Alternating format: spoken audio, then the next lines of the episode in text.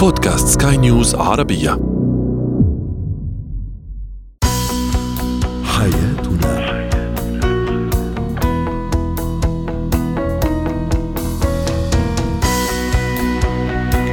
مستمعينا الكرام أهلا بكم معنا إلى حياتنا. فضاؤكم اليومي الذي يعنى بشؤون الأسرة وباقي الشؤون الحياتية الأخرى والذي يمكنكم الاستماع اليه عبر منصة Sky News Arabia dot com slash podcast وباقي منصات سكاي نيوز العربية الأخرى. شاركونا أيضا عبر رقم الواتساب 00971 561 8862 معي أنا آمال شاب. اليوم نتحدث عن الاغتصاب الزوجي.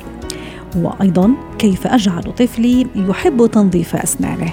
وأخيرا اتكات ارتداء النظارات الشمسية.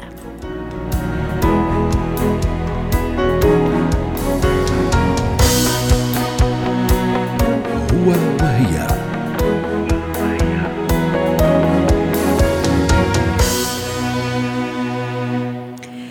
الاغتصاب عادة هذا المصطلح يطلق عندما يؤخذ شيء من دون أو دون موافقة الطرف الآخر مهما كان هذا النوع من الشيء الذي يؤخذ. اليوم سنتحدث عن الاغتصاب الزوجي. هذه القضية وهذا المصطلح الذي تردد كثيرا في الفترة الأخيرة على وسائل التواصل الاجتماعي وظهرت مطالبات بتجريمه وظهر حتى من استنكر مفهومه من الأساس.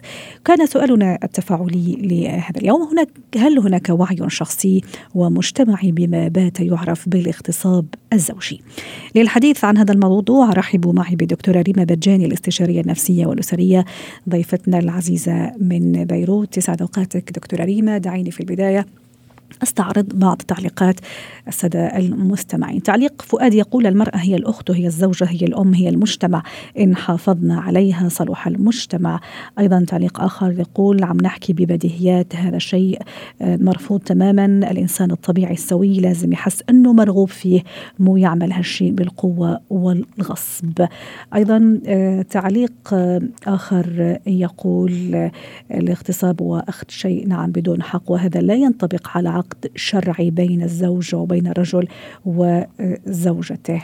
وأخيرا تعليق آخر يقول أيضا هو المفهوم المغلوط للدين أو بعض الأشخاص مفهومهم الخاطئ للدين هو الذي دفع بأن يطفو هذا المصطلح وهذا التصرف إلى السطح. وأخيرا أيضا خلينا نقرأ تعليق آخر. كلمة دخيلة على مجتمعاتنا. ما عمرنا سمعنا باغتصاب زوجي ما تعلمناه أن الاثنين جسد واحد كل واحد يكمل الطرف الآخر. دكتورة ريما يعني كمدخل لموضوعنا اليوم ماذا يعني الاغتصاب الزوجي؟ اليوم يمكن رح انطلق من آخر تعليق اللي صار إنه بلا الاغتصاب الزوجي موجود بس ما كنا نقشعه بإطاره الحقيقي، ليش؟ لأنه نحن اليوم كنا نعتبر وقت نتزوج وبعتقد هذه متوارثة إذا فيي قول بالتعليم وخاصة بال education بالتربية.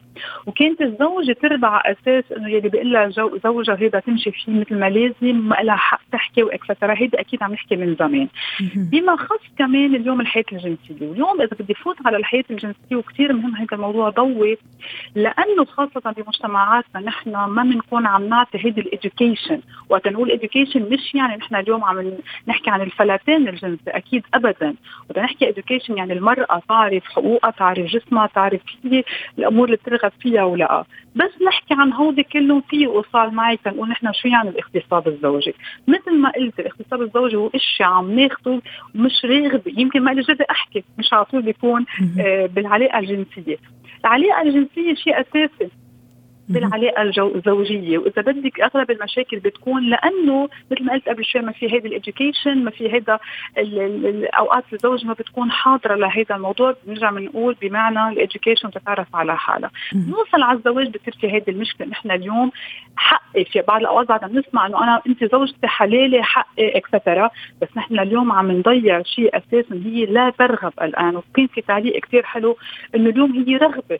حتى الزوج ما لازم يكون عم يروح على هذا الموضوع إذا زوجته لا ترغب بهذا المحل. وهون أكيد في احكي من هيك كثير أمور فيها تساعد. على إنجاح العلاقة الجنسية. ربما أيضا هذا ما يعزز في تعليق أيضا حاب أقرأه دكتور ريما. يقول انه هذا المواضيع في مجتمعاتنا العربية أضحت مباحه سرا لكن إذا ما تكلمنا عنها لغرض التوعية تصبح فجورا والاغتصاب الزوجي سببه الرئيسي اعتبار عدد من الأشخاص أن الزوجة آلة للمتعة نتخلى عنها وتتخلى عنها بمجرد انتهاء صلاحيتها والدين والإسلام بريء من هذا الفكر.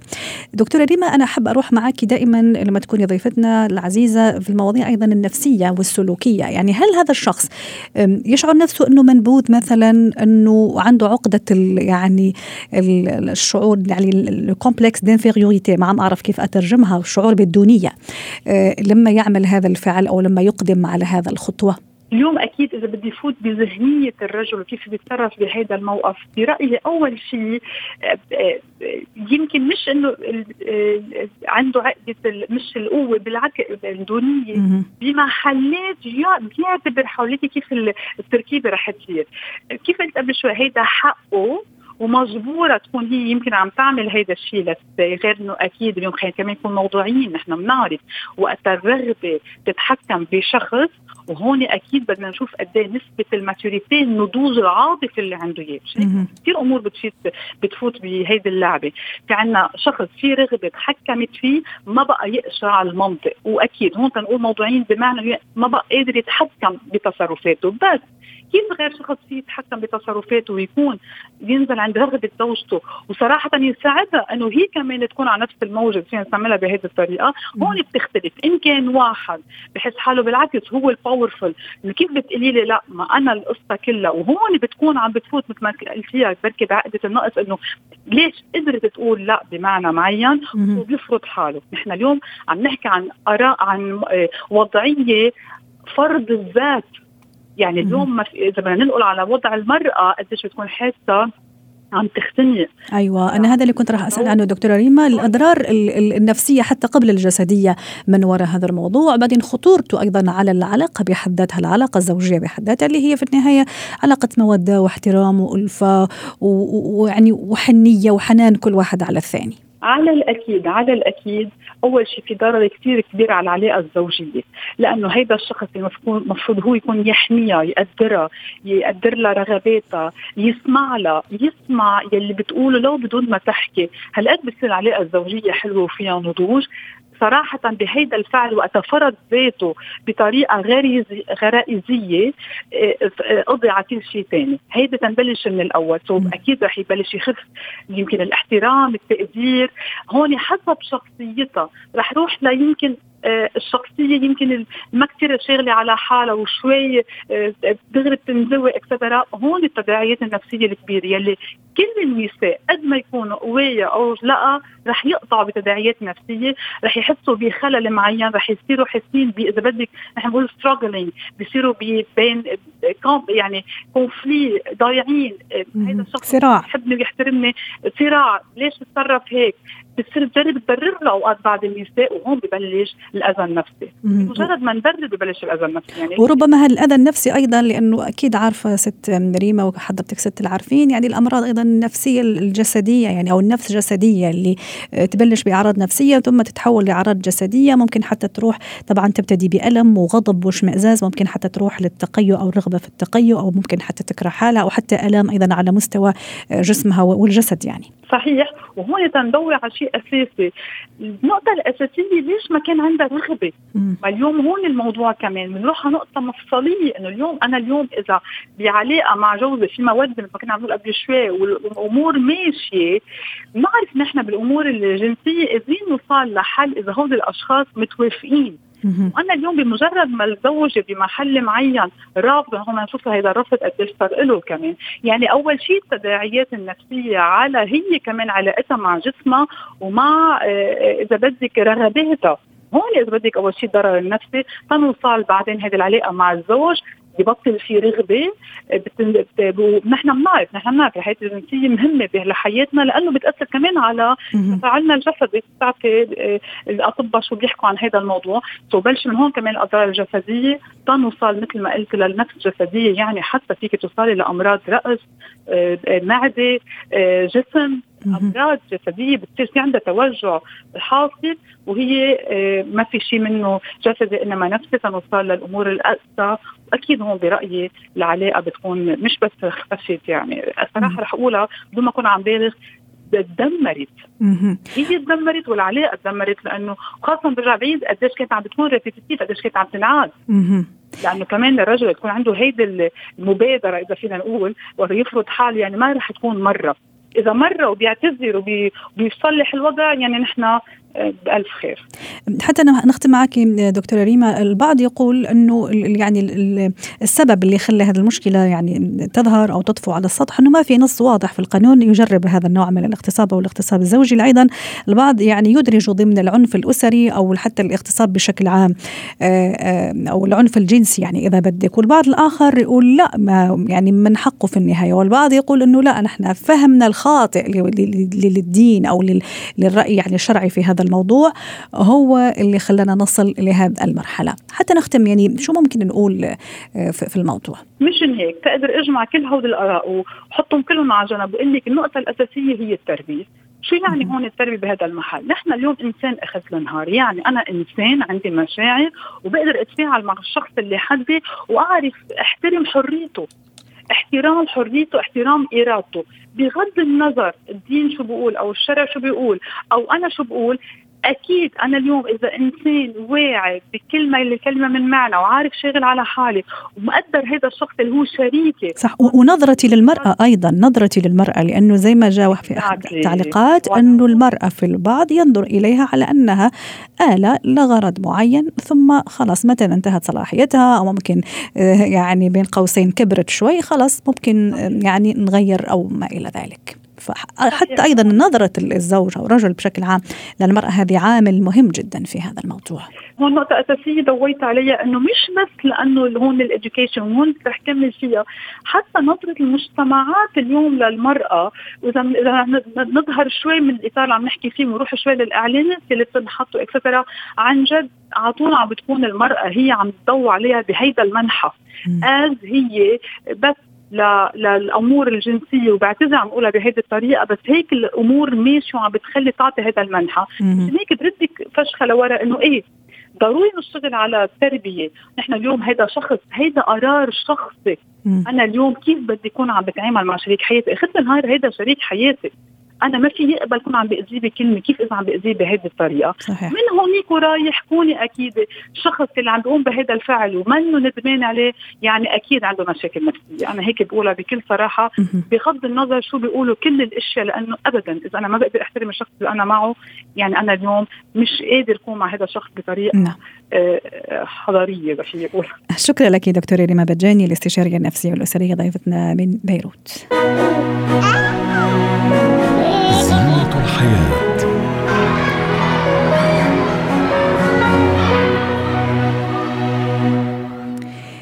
في زينة الحياة نتحدث عن شيء ربما يبدو بسيط جدا من أول وهلة لكن ممكن بعض الأمهات يعني يعانين في تحقيقه. يتعلق الأمر بكيفية جعل طفلي يحب ويواظب على تنظيف أسنانه ليندرج طبعا ضمن النظافة اليومية والشخصية لأي إنسان أو لأي شخص. وأكيد طبعا البداية لازم تكون من التربية ومن سنوات الطفولة الأولى. كيف أجعل طفلي يحب تنظيف أسنانه؟ دعونا نتعرف على هذا الموضوع مع خبيرة خبيرة التربوية عفوا الدكتورة هبة شركس ضيفتنا من أبو ظبي. يسعد أوقاتك دكتورة هبة. كيف أو متى أولا يعني أبتدي أعلم طفلي آه، ضرورة تنظيف الأسنان؟ طفل من وهو عنده شهور بنبدأ إحنا نلف شاشة صغيرة على الإصبع ونمسح اللثة بتاعت الطفل. هو لسه ما بيكونش له أسنان ولا حاجة بس العقل بتاعنا بيبدأ يكون مسارات عصبية من وإحنا صغيرين جدا. وكل ما كانت المسارات دي مبكرة كل ما كان تعزيزها لما يكبر الطفل أفضل. في الأيام الأولى للطفل الأم بتلف شاش على على على صباعها وبتبدأ تمسح آه بنقول عليها دراجير أو لفة الطفل الصغير. بعد كل مرة ممكن تبلها بمية آه آه معدنية وتبدأ تمسح آه، فم الطفل وتنظفه.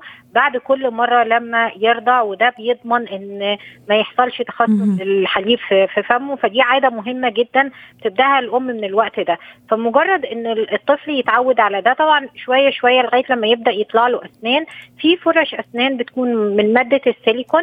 بنبدأ إن إحنا نستخدمها مع الطفل بدون آه، معجون الأسنان في الشهور الأولى لأن التسنين بيبدأ من سن ست شهور على أغلب الحالات م. فبنبدأ في سن الست شهور الطفل لسه ما عندوش قدرة ما عندوش توافق عضلي عصبي عشان يمسك الفرشة ويدعك سنانه ويحطها في المكان الصح وممكن يخبط نفسه فعشان كده الفرش دي بتكون مصنوعة من مادة السيليكون والبراشز بتاعتها أو ال طيب. ال ال دي بتكون ناعمة جدا تكون ناعمة على على على على منطقة الفم وعلى الفم ولو يعني لو خبطها حتى في. وشه بتكون طرية جدا طيب. ومرنة يعني اتفقنا أنه من الأشهر الأولى تبتدي هذه العملية عملية التنظيف لكن لما الولد يبلش كذا يعني يوعى شوي و- ويمشي وممكن يتكلم يعني طفولة المبكرة خلينا نقول كيف ب... أعطيني طرق حتى أحببه في هذه العملية وأخليها عملية مرحة مش أنه واجب. ولازم يعملها يعني ببدأ إن أنا آخد الطفل في نفس الوقت اللي أنا بعمل فيه البراشنج أو اللي أنا بغسل فيه أسناني وبكون أنا جايبة له الفرشة بتاعته في البداية السيليكون وبيغسل معايا.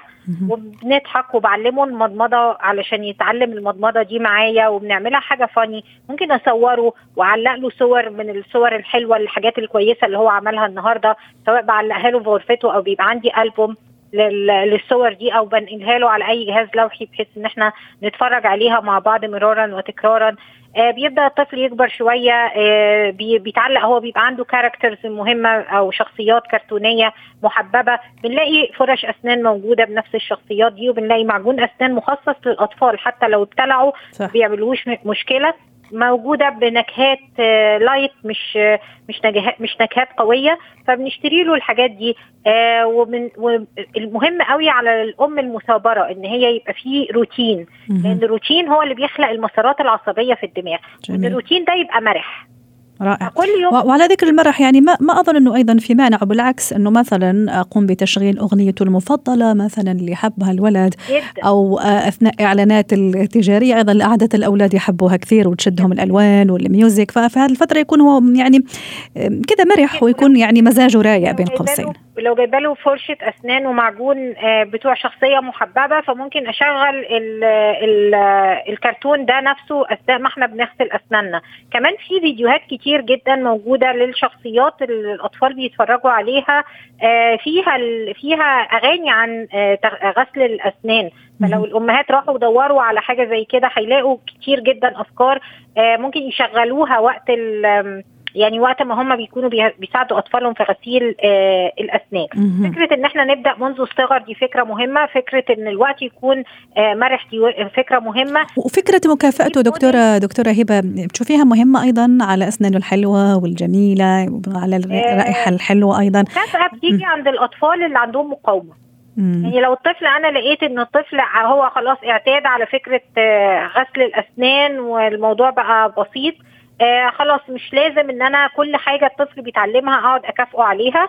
آه ولو لقيت الطفل بقى عنده مقاومة ساعتها ببتكر حاجات أكتر زي إن أنا آه أعلمه يغسل أسنان ألعابه.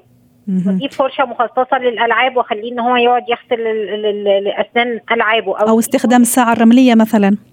في الوقت اللي إحنا بنغسل أسنان نستخدم الساعة الرمليه في كمان disclosing tablet اللي هي آه، حاجة تابلت صغيرة أو حبوب صغيرة كده الطفل بيمضغها وبعدين بتصبغ ال- ال- البقايا الأكل اللي على أسنانه بلون أحمر.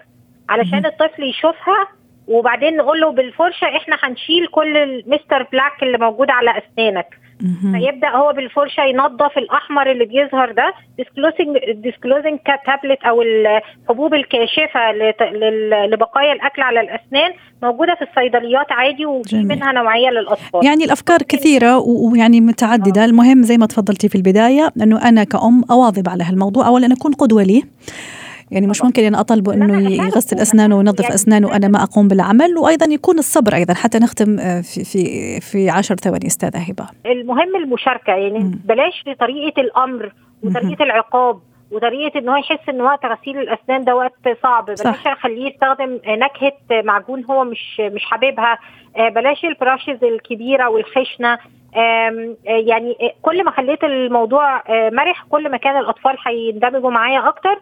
وكمان ممكن أستخدم المكافآت للأطفال اللي عندهم مقاومة مع إن هو يغسل ال models مهم. بتاعة آه، أسنان نعم. الألعاب بتاعته أو ال models اللي بتتباع جاهزة آه، يحاول يتعلم منها تنظيف الأسنان شكرا لك دكتورة هبة شركس آه، الخبيرة التربوية ضيفتنا العزيزة من أبو ظبي إتيكيت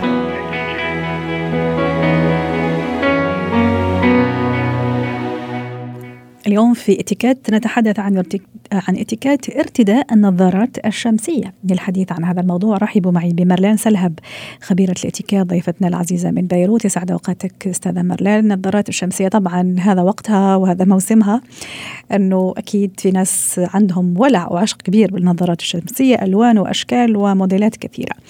آه، وفي بعض الأشخاص يكتفون ب آه، يعني شكل واحد أو بموديل واحد. لكن في كل الأحوال أكيد في اتيكيت وطريقة لارتدائها لنزعها لما أكون مع أشخاص فياريت تحدثينا على كل هذه الخطوات.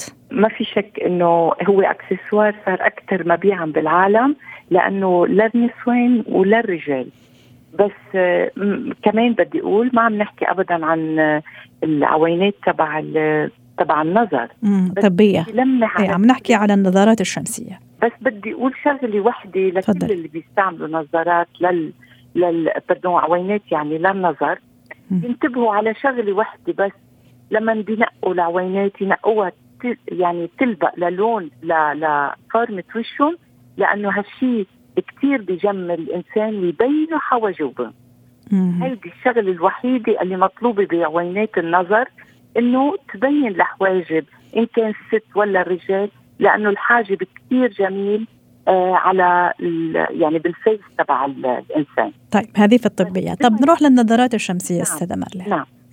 آه نظارات الشمسيه أول شغلة بدي أقولها إنه ما نستخدمهم بالليل، في كثير ناس لأنه بيعتبروها إنه هي صارت مثل موديل يعني fashion آه، خاصة صارت مرتبطة أكثر شيء بالمشاهير وال celebrities مثلا لما يفوتوا على محل آه، حتى في المسويات زي ما تفضلتي ممكن يعمدوا اللي ارتداء نظارات في الليل.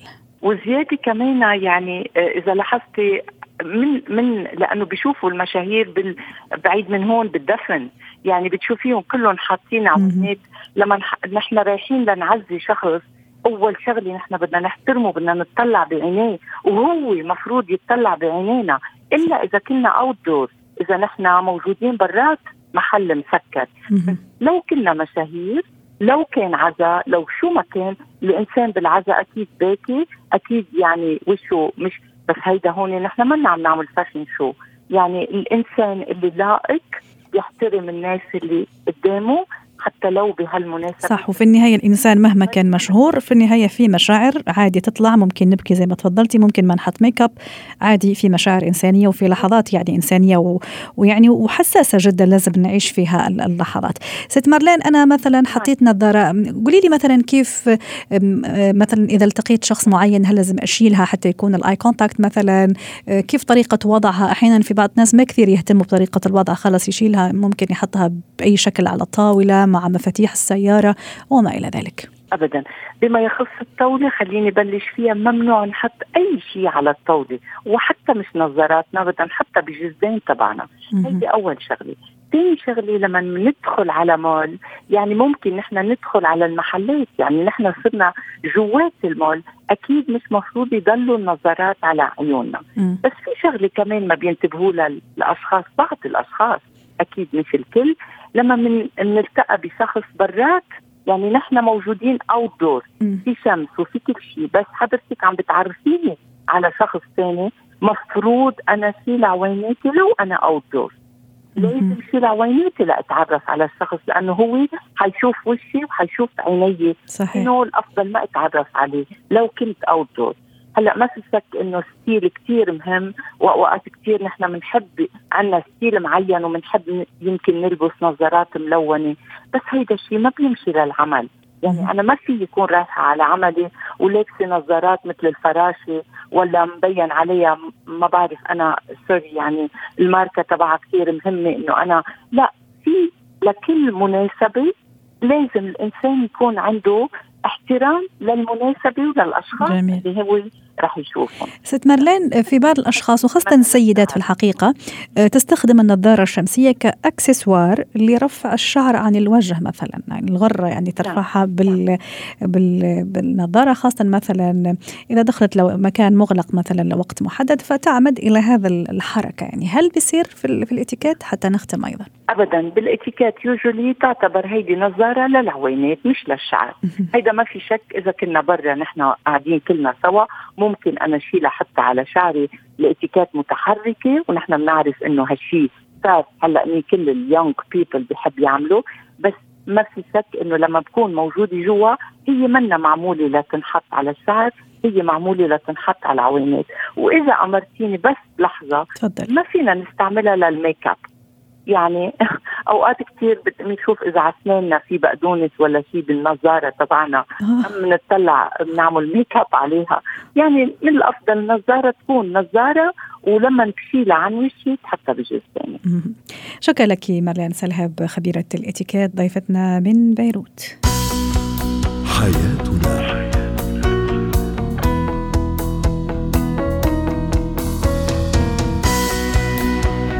ختام حلقة اليوم من حياتنا. شكرا لكم وإلى اللقاء.